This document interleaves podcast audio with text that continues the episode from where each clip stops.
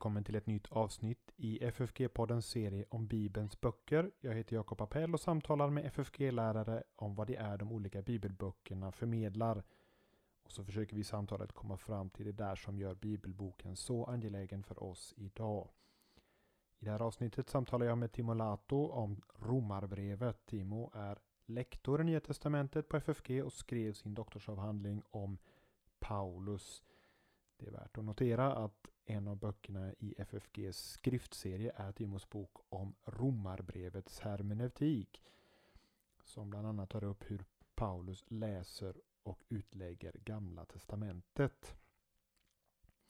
Nu är Romarbrevet antagligen inte Paulus första brev, men det längsta, och det är som det längsta brevet som det kommer först i Nya Testamentets kanon över Paulusbreven. Så eftersom vi nu introducerar er till Paulus brev så måste vi nog kanske säga något lite kort om Paulus som person och författare. Vi har fått veta en hel del i avsnittet om apostlagärningarna, om Paulus bakgrund, hans omvändelse och hans tre missionsresor. Men Timo, för att förstå just Romarbrevet, vad är det vi ytterligare behöver förstå om Paulus som person och författare?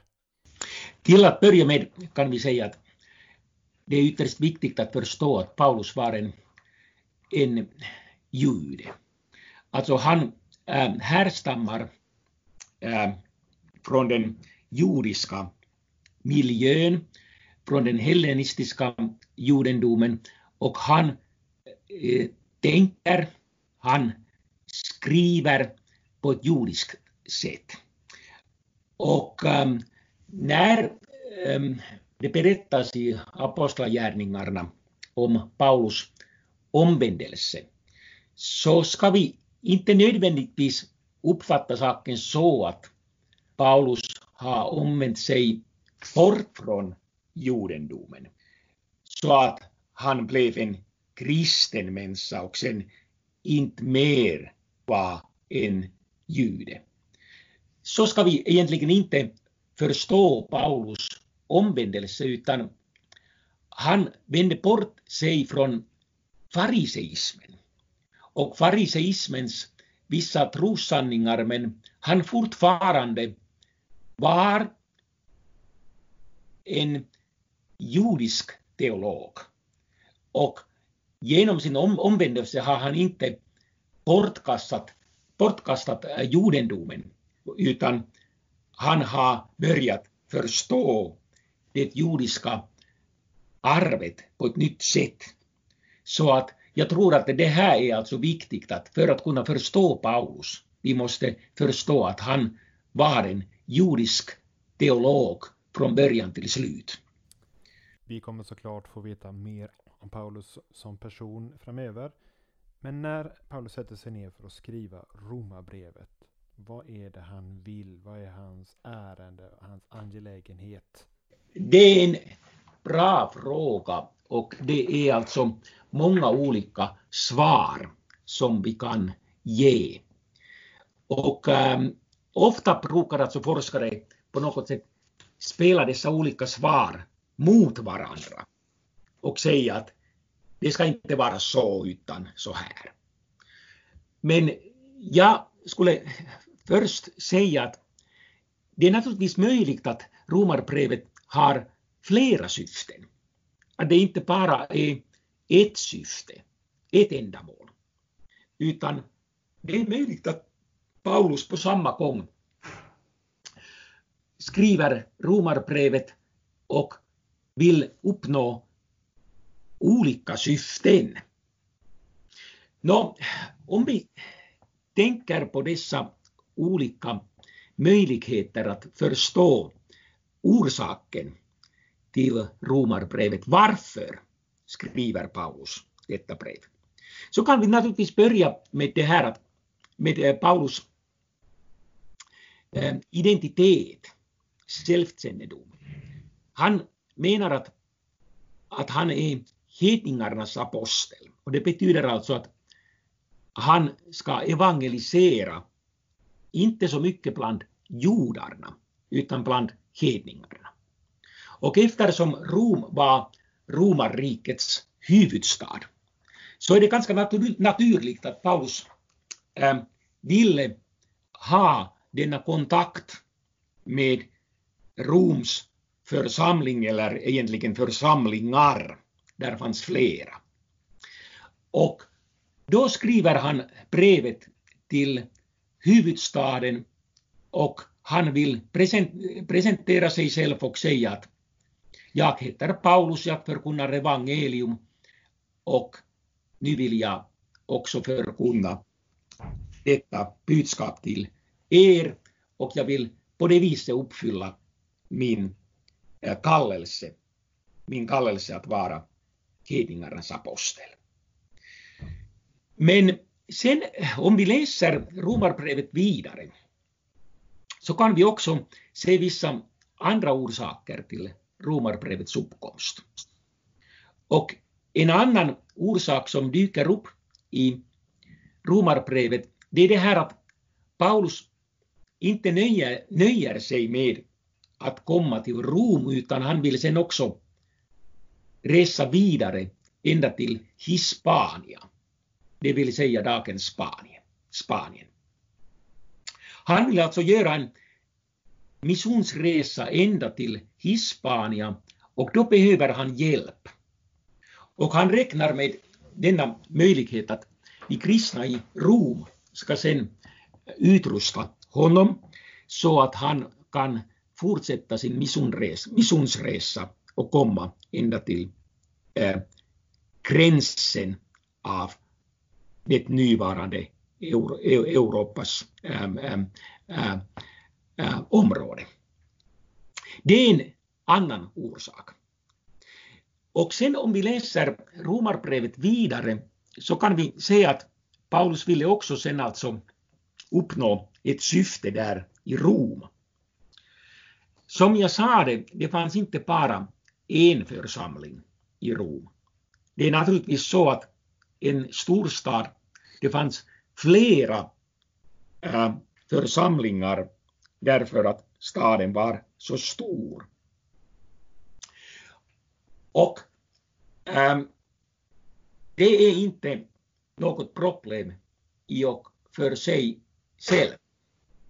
Men när vi läser Romarbrevet så märker vi att ja, egentligen det fanns vissa problem. Dessa olika församlingar inte kunde samarbeta, inte kunde Eh, bara tillsammans och en orsak till dessa svårigheter var olika slags matregler. Det kan vara svårt att förstå idag men några ville inte äta kött, dricka vin, de ville närmast äta grönt och sen andra ville äta ja, nästan allt möjligt. Och då vill Paulus alltså skriva ett brev och han vill uppnå enheten i dessa församlingar. Säkert var, fanns det anledningar att sen eh, samlas fortfarande, fortfarande i olika delar av eh, storstaden Rom. Men Paulus ville att dessa olika församlingar inte står emot varandra, utan det finns en enhet och en kyrka. Och vi kan läsa om Paulus problemlösning i Romarbrevets 14 och 15 kapitel. Och äm, där vill han alltså uh, ge uh, sin um, teologiska kompetens och visa att dessa matregler, olika matregler, inte får vara ett hinder för kyrkans enhet. Sen kan vi kanske det här bli en, en, en ganska lång monolog, men, men jag skulle ändå, ändå säga att sen får vi också äh, tillägga att äh, äh en annan äh, orsak. Äh, nämligen i Romarbrevet får vi veta att Paulus planerar sin kommande resa till Jerusalem. Och han är medveten om att han måste försvara sitt evangelium där i Jerusalem. I Jerusalem fanns sådana lite, låt oss säga legalistiska eller judaistiska kristna människor som ifrågasatte Paulus budskap. Och när sen Paulus planerar denna resa till Jerusalem så vill han nu sammanfoga sina tankar. Han vill presentera sitt evangelium på ett sådant sätt som han kommer att göra sen i Jerusalem. På ett sådant sätt som övertygar alla de som lyssnar på honom. Och det är kanske en orsak till eh, Romarbrevet att Paulus på det här viset vill öva sin konst att övertyga sina läsare, sina hörare eh, varför hans evangelium är, stämmer överens med skriften. Och äh, kanske till sist får vi säga att ja, Paulus har blivit äh, äldre, han har blivit en gammal apostel. År efter år har han förkunnat evangelium och när vi läser hans brev, vi är ofta reaktioner på vissa problem i församlingar. Och som sagt, Romarbrevet också i slutet är en reaktion på ett problem där i Rom. Men jag tror ändå att Paulus här i Romarbrevet också vill på något sätt Eh, skriva, låt oss säga hans testamente. Så att det blir liksom eh, en skrift som återger Paulus förkunnelse i miniatyr. Det är en kort genomreflekterad framställning av Paulus evangelium. Och därför är det bra att Romarbrevet, även om Romarbrevet är inte ett första brev som Paulus har skrivit, då har vi ändå äh, Romarbrevet äh, i vår, äh, dess plats i vår kanon. Det är alltså det första brevet vi har och det är liksom en inledning i Paulus tänkande och bra att vi har Romarbrevet här i början av äh, Nya testamentets brevsamling. Sådana olika orsaker och som sagt alltså, vi behöver inte sätta dessa olika förklaringar mot varandra, utan vi kan säga att, att um, alla dessa förklaringar kan gälla på samma gång. Kanske kan vi sammanfatta det så. Paulus skriver Romarbrevet för att ena församlingarna i Rom kring evangeliet till det som är kyrkans tro och som han på ett särskilt sätt utvecklar och sammanfattar i inledningen utav Romarbrevet. Det går nog inte att underskatta Romarbrevets betydelse för just att återställa och återskapa kyrkans enhet kring, kring evangeliet. Vi vet hur viktigt Romarbrevet var för Martin Luther vid reformationen. Värt att lägga märke till också hur viktigt Romarbrevet var för Augustinus i hans strid med Pelagius om frälsningsfrågan. Eh, många andliga förnyelser har kommit i kyrkohistorien genom läsning och fördjupning av Romarbrevet. Vad, vad är det med Romarbrevet som har denna kraft att förnya och reformera kyrkan? Ja, det är en bra fråga och på något sätt, jag tror att det är svårt att besvara din fråga. Ehm, det är alltså ett, ett faktum att, att um, alltid när kyrkan har förnyats och få en ny större betydelse, då tycks Romarbrevet ha spelat en jättestor roll. Du hänvisade till Augustinus och hans strider med Pelagius. Helt korrekt. Sen vet vi till exempel, till, till exempel att Chrysostomos ville att Romarbrevet lästes för honom två gånger i veckan. Äh, sen du sa det någonting om äh, äh, äh Martin Luther, äh, hur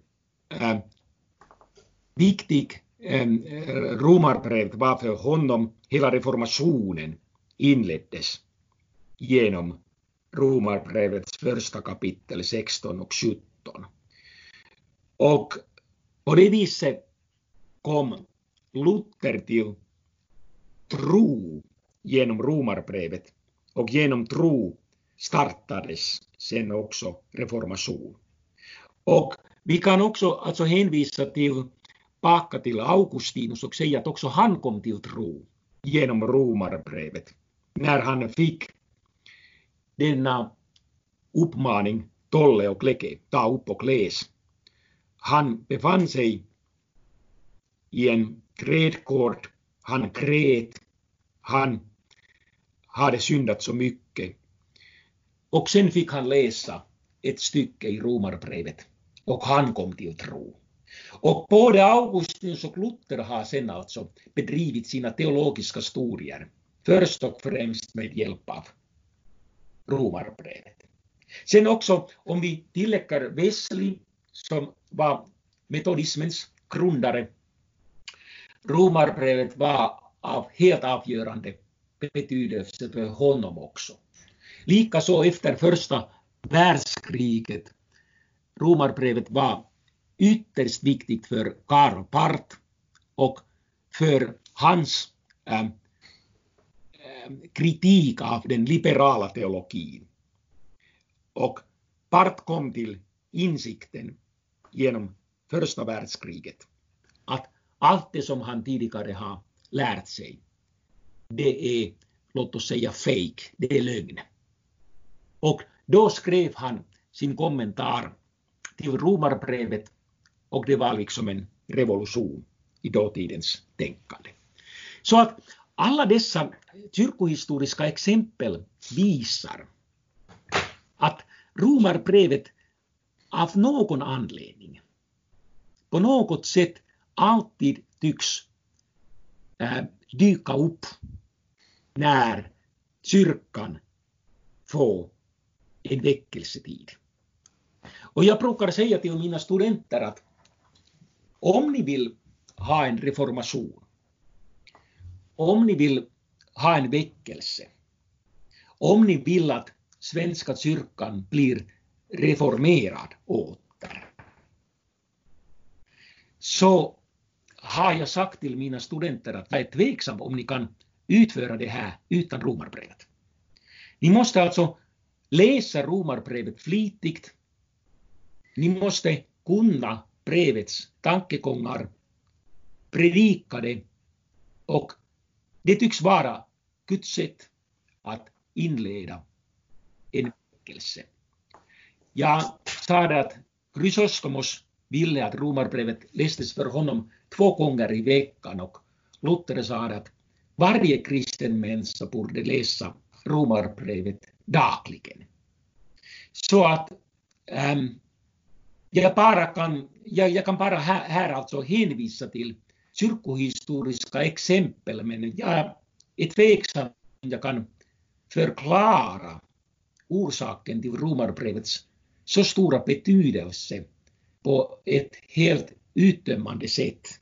Jag tror att det finns en hemlighet i romarbrevet.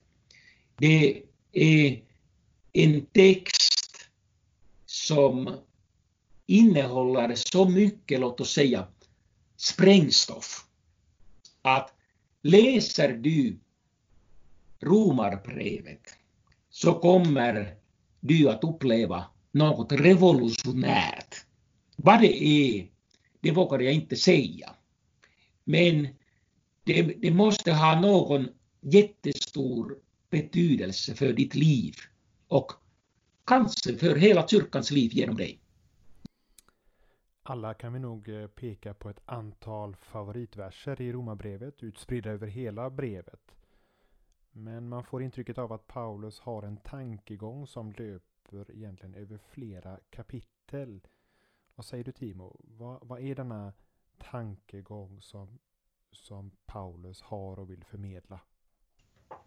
Hans ähm, temaverser finner vi i kapitel 1, verserna 16 och 17. Och där säger eller skriver Paulus att äh, han vill presentera vad Guds rättfärdighet står för.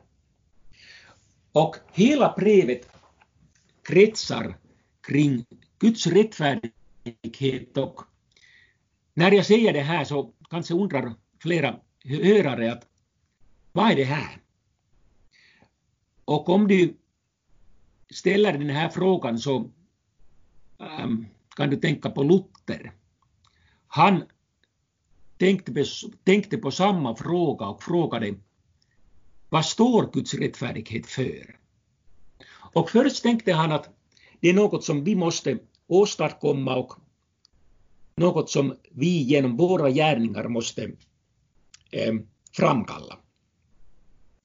Men sen märkte Luther att, att det är något som Gud ehm, utför genom Kristus och det är det som Paulus vill sen alltså visa i Romarbrevet.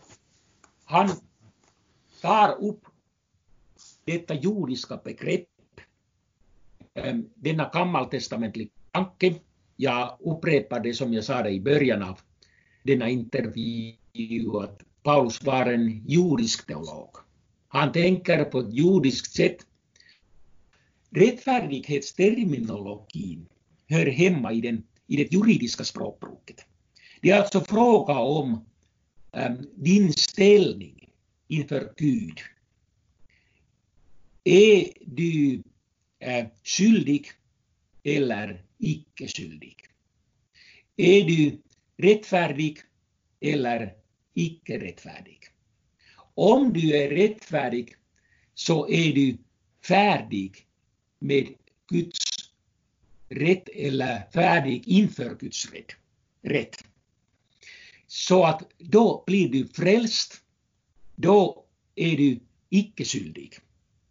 Men däremot om du är orättfärdig, då är du inte färdig inför Guds rätt och då blir man förtappad.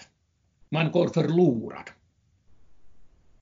Och det här är alltså frågeställningen. Det är fråga om rättfärdighet och rättfärdighet är ett judiskt begrepp som hör hemma i domstolscenen. Är man skyldig eller icke skyldig? Och sen vill Paulus visa att hela världen är skyldig inför Gud. Var och en.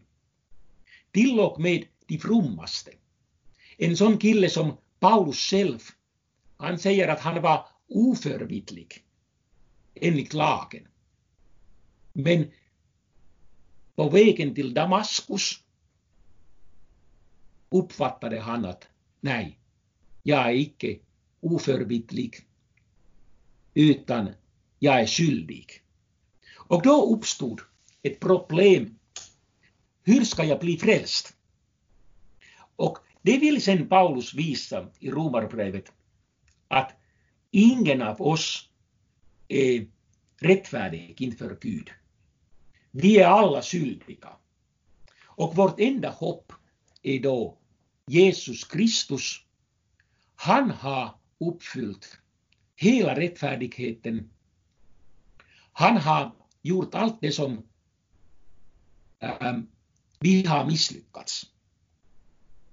Han har uppfyllt hela lagen för oss och han har tagit på sig själv alla våra synder. Och genom Kristi korsdöd, genom hans heliga liv, så får vi renheten, lagens uppfyllelse i sin helhet.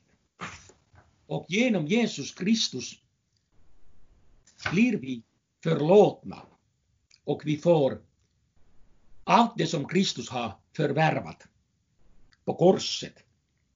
Och det är vårt enda hopp. Genom detta evangelium blir vi frälsta. Det är alltså äh, äh, innehållet i Romarbrevet, kort sagt.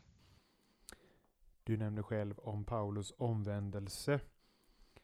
Om hans liv som, som farisé, som oförvitlig och oklanderlig enligt den rättfärdighet som vinns av lagen.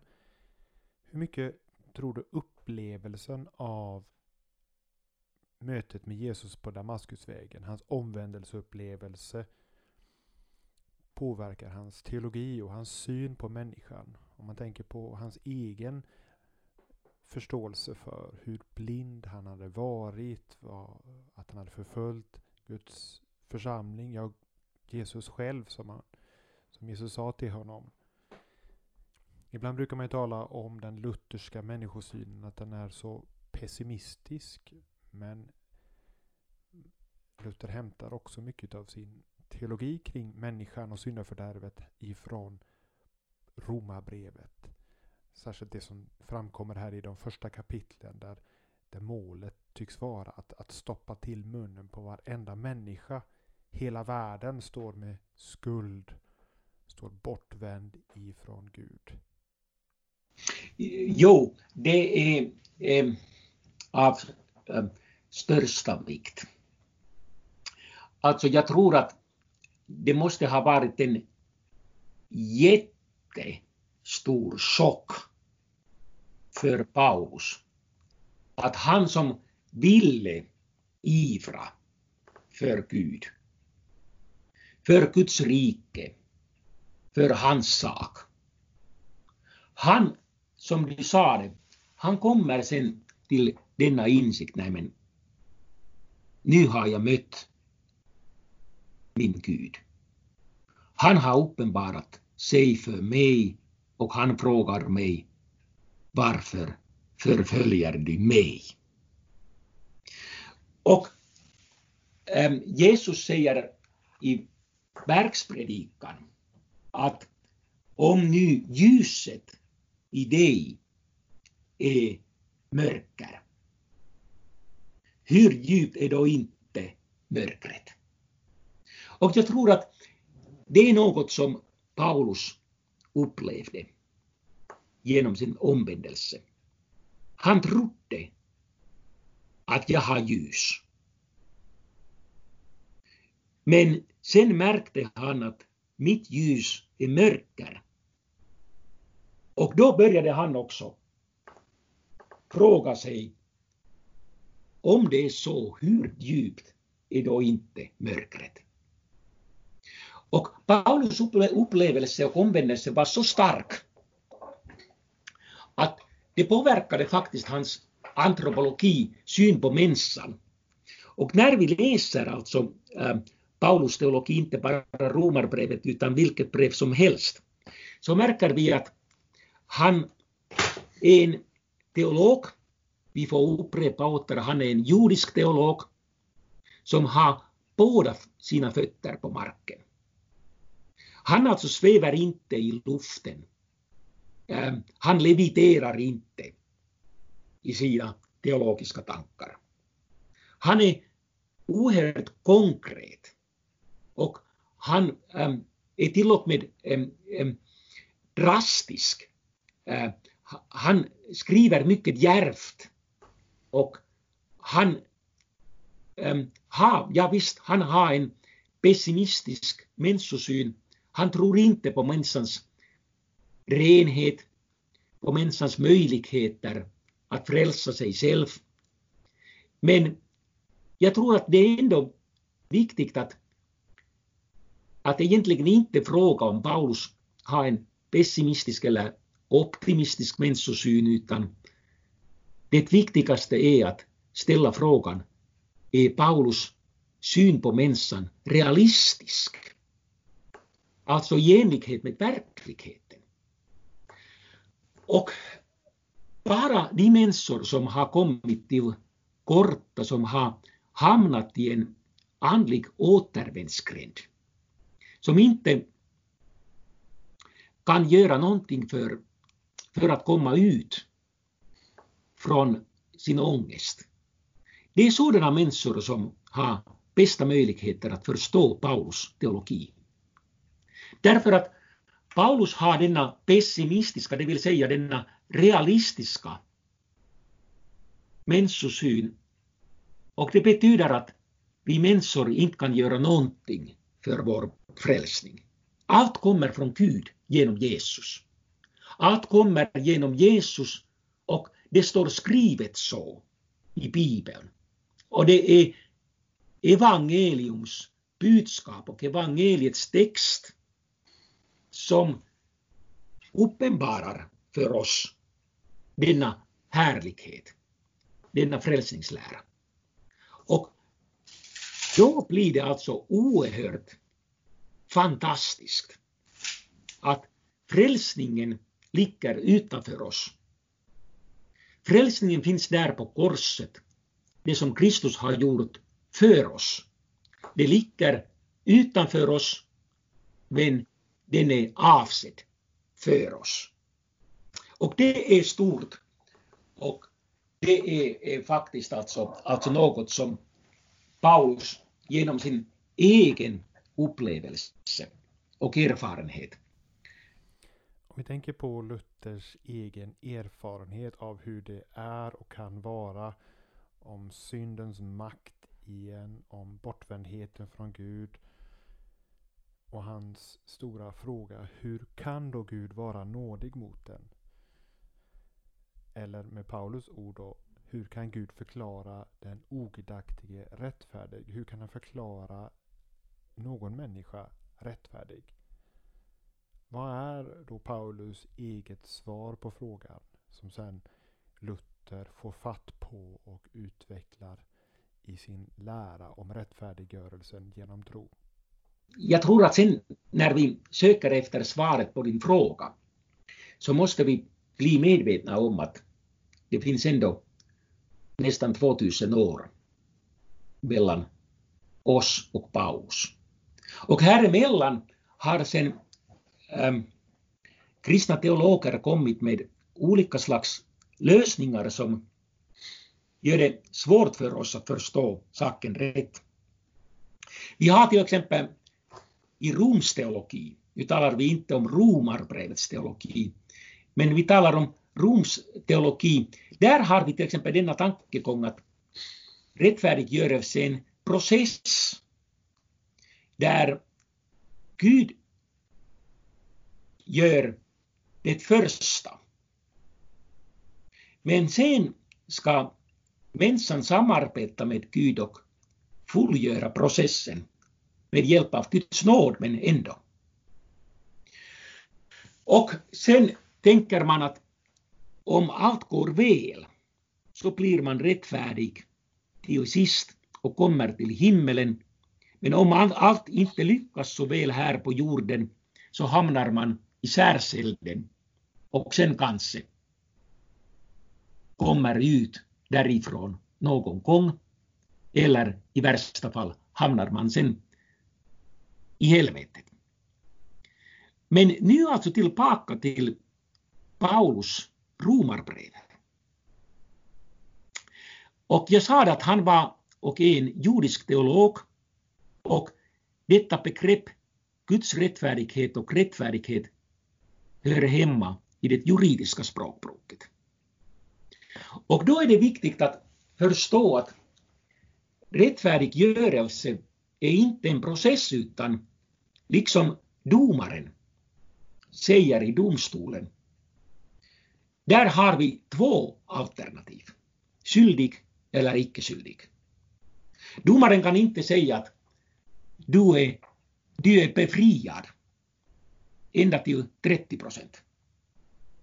Men 70 procent av dig måste sitta inne i fängelset och sen 70 procent av dig måste arbeta sig fri.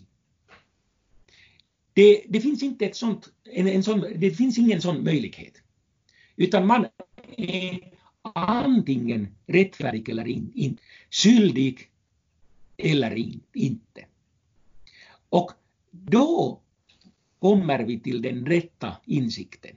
Då börjar vi förstå Romarbrevet och Luthers ångest. Och då blir det alltså möjligt för oss att förstå frälsningsbudskapet på ett rätt sätt. Vi är skyldiga i oss själva. Rättfärdiggörelse betyder att vi blir icke-skyldiga. Vi blir frälsta helt och hållet och det sker genom Jesus Kristus. Allt är fullbordat och därför rättfärdiggörelse ser genom evangeliets ord tack vare Jesus här och nu. Och det är fullkomligt. Sen i oss själva är vi fortfarande stora syndare och det ingår i Romarbrevets teologi att vi är på samma gång rättfärdiga och syndare. Och rättfärdiga är vi i Kristus och i honom är vi helt och hållet rättfärdiga, helt och hållet frälsta. Men i oss själva är vi ännu syndare. Jag tror att vi måste alltså förstå Romarbrevet utifrån Romarbrevets egna, egna förutsättningar och inte komma till Romarbrevet med hjälp av äh, vissa teologers insikter och börja omtolka rättfärdiggörelse och göra rättfärdiggörelse till en process som rättfärdiggörelse inte var på Paulus tid. Utan på Paulus tid det var äh, en juridisk term. Och då finns det bara två alternativ. Skyldig eller icke skyldig. Och jag upprepar, tack vare Jesus kan vi bli icke skyldiga. Efter de inledande kapitlen om människans skuld inför Gud och rättfärdigheten som Jesus som en gåva från Gud till att tas emot genom tro kommer kapitlet om dopet, kapitel 6. Ett av de viktigaste ställena om dopet i, i Nya Testamentet. Och sedan kapitel 7 som är både omstritt men också för många en stor källa till, till, till tröst och själavård. Paulus utvecklade den här dubbelheten av att göra det som jag hatar och inte göra det som jag vill. Hur förstår du Romarbrevet 7 i förhållande till övriga brevet? När vi läser kapitel 7, då är det viktigt att läsa ähm, alla verser. Och Paulus tar upp där ett bud. Och detta bud är, du ska inte ha begär. Och han menar att begäret är sen alltså något som riktar sig mot Guds lag hela tiden. Paulus talar om kärleken och säger att kärleken är lagens uppfyllelse. Begäret är motsatsen till kärleken. Och därför kan vi säga att om kärleken är lagens uppfyllelse enligt Paulus så kan vi dra slutsatsen att begäret är lagens, låt oss säga, lagens överträdelse i alla avseenden. Och när Paulus sen alltså talar om detta bud, du ska inte ha begär, så visar han att det är hans utgångspunkt. Han betraktar sin ställning inför Guds lag utifrån detta bud. Och när detta bud säger Paulus, du ska inte ha begär, Timo eller Jakob eller kanske kan vi tillägga åhörarens namn. Du ska inte ha begär. Då innebär Guds vilja att de ska uppfylla lagen naturligtvis. De ska leva i överensstämmelse med Guds vilja så som Paulus säger i kapitel 6 när han talar om dopet och det var det som du hänvisade till. De ska alltså fullgöra lagen leva i enighet med Guds vilja i alla livsområden, i alla livssituationer, i allt vad du gör. Men sen kommer detta budord. Du ska inte ha begär. Och Paulus då visar alltså att även om han lyckas med allt till det yttre och även om du åhörare, även om du lyckas eller åtminstone tycks lyckas i allt till det yttre då har vi ändå begäret kvar i hjärtat. Och det är orsaken till att Paulus skriver så pessimistiskt. Åter kan vi använda detta ord. Paulus skriver så pessimistiskt i kapitel 7. Han säger att han inte kan göra något som är gott. Och det är ett så starkt uttryck, en så stark utsaga, att vi kan fråga oss, vem är så en så stor syndare som aldrig kan göra något gott i sitt liv? Jag tror att det inte finns någon sån människa om vi fäster vår uppmärksamhet vid det yttre levernet. Vid det yttre livet. Men nu som sagt, Paulus utgår ifrån budordet, vi ska inte ha begär. Och då kan han säga att allt det goda som han utför, allt det goda som han äh, alstrar, allt detta goda ändå fördärvas genom begäret. Så att även om jag kan ge tusenlappar till kollekt, är allt perfekt? Nej.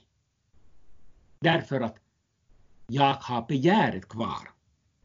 Jag skulle um, hellre ha dessa pengar själv.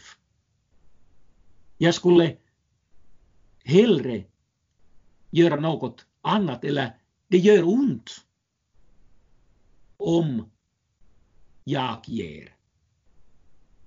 Så att det gör ont i mitt innersta därför att jag älskar inte, inte så mycket som jag borde.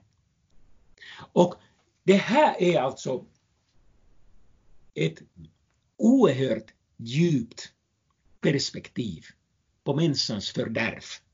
Och som sagt, Paulus är en expert på detta område. Han tyckte själv att han är en oförvitlig man, en oklanderlig man. Men sen kom han till insikt, ja genom sin omvändelse, att det är inte sant, det är just tvärtom. Och nu när du läser Romarbrevets sjunde kapitel, där kan du se att ja visst, Paulus har förändrat sig. Han ser nu att det goda som han vill, det kan han inte göra. Inte eh, utifrån sitt djupaste hjärta. Utifrån de renaste motiven. Det är omöjligt. Och det är hans ångest och vånda i detta kapitel. Skulle du säga att Romarbrevet 6 ligger som en bakgrund för det som Paulus säger här i, i Romarbrevet 7? Detta att han genom dopet har begravts med Kristus och att när han tänker på livet i Guds ljus, i, i, inför Guds ögon och han tänker på det som är i hans kropp och hans lemmar så är det begravt med Kristus. Och nu lever han det nya livet inför Gud.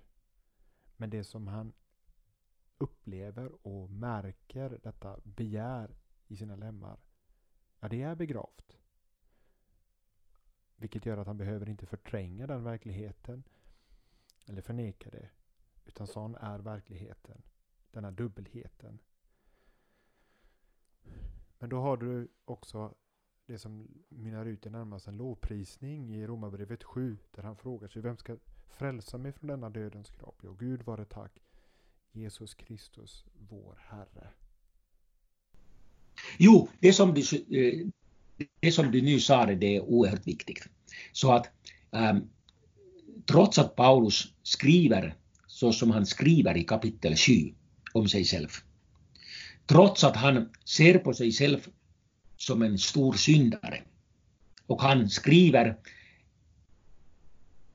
um, i slutet av sitt liv, till och med då skriver han att han är den största syndaren.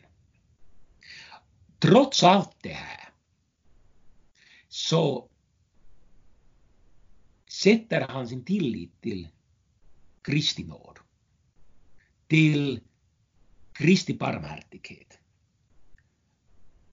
Trots allt det här så vill han inte leva i tvivel. Inte tänka så här att nej, jag har inga chanser att bli frälsta. Eller att vem vet om jag kommer in i himmelriket?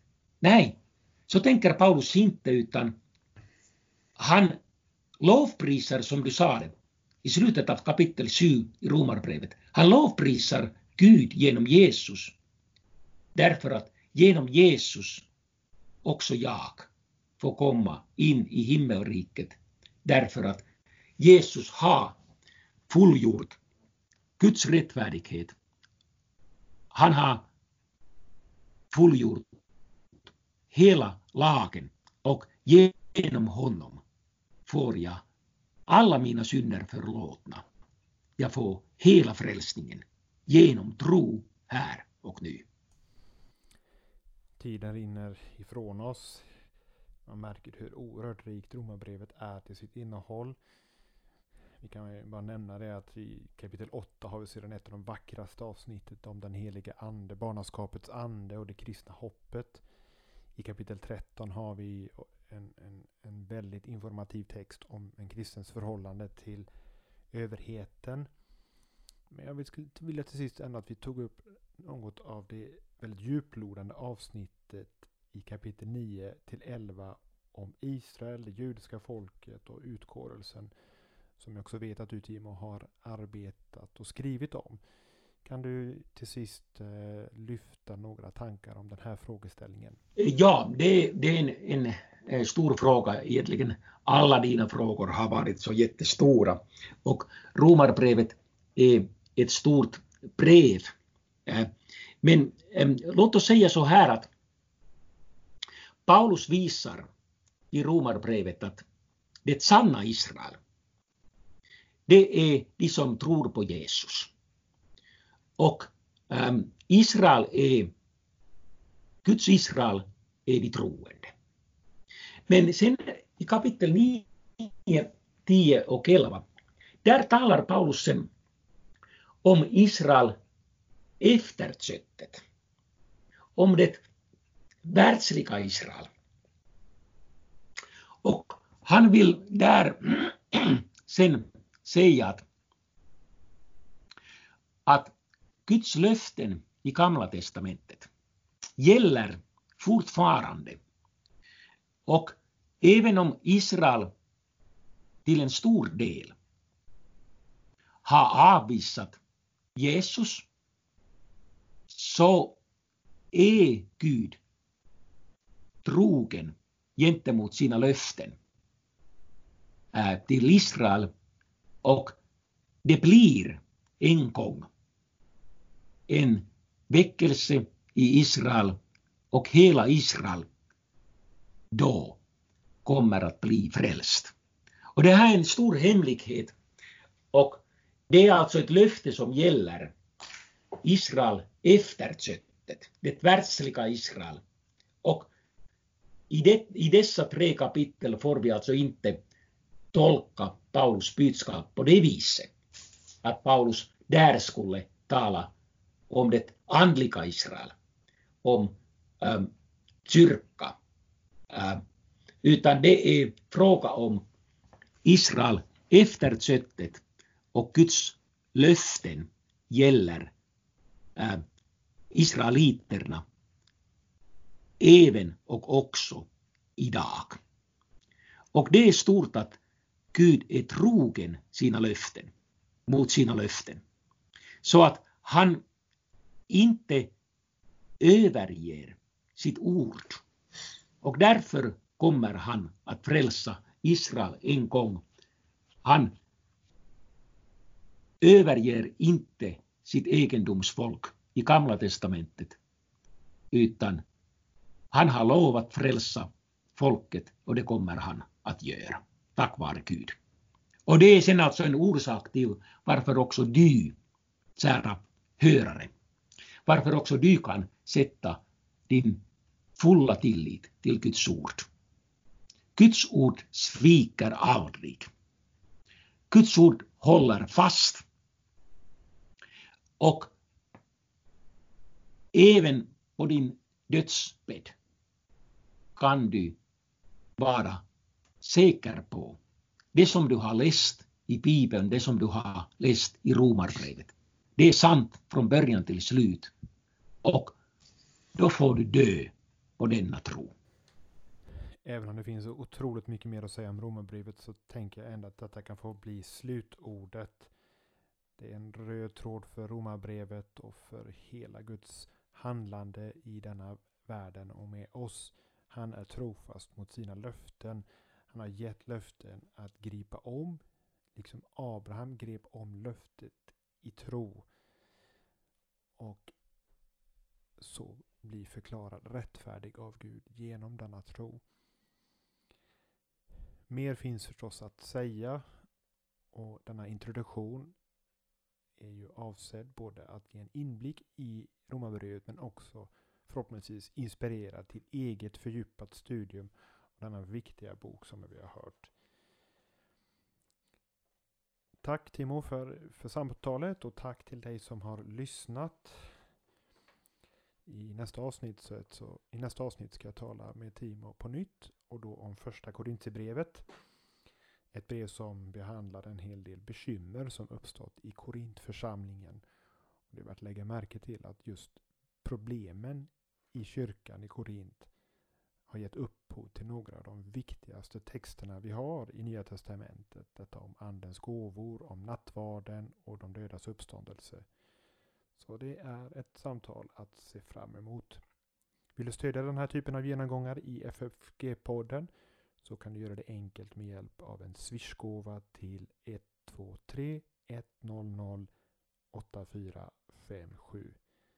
Fler resurser, artiklar och inspelningar finns på vår hemsida www.ffg.se och det är fritt att använda det. Och på hemsidan finns också information om kommande arrangemang och hur vi ställer om, inte ställer in, i coronatider och hur du kan följa arbetet.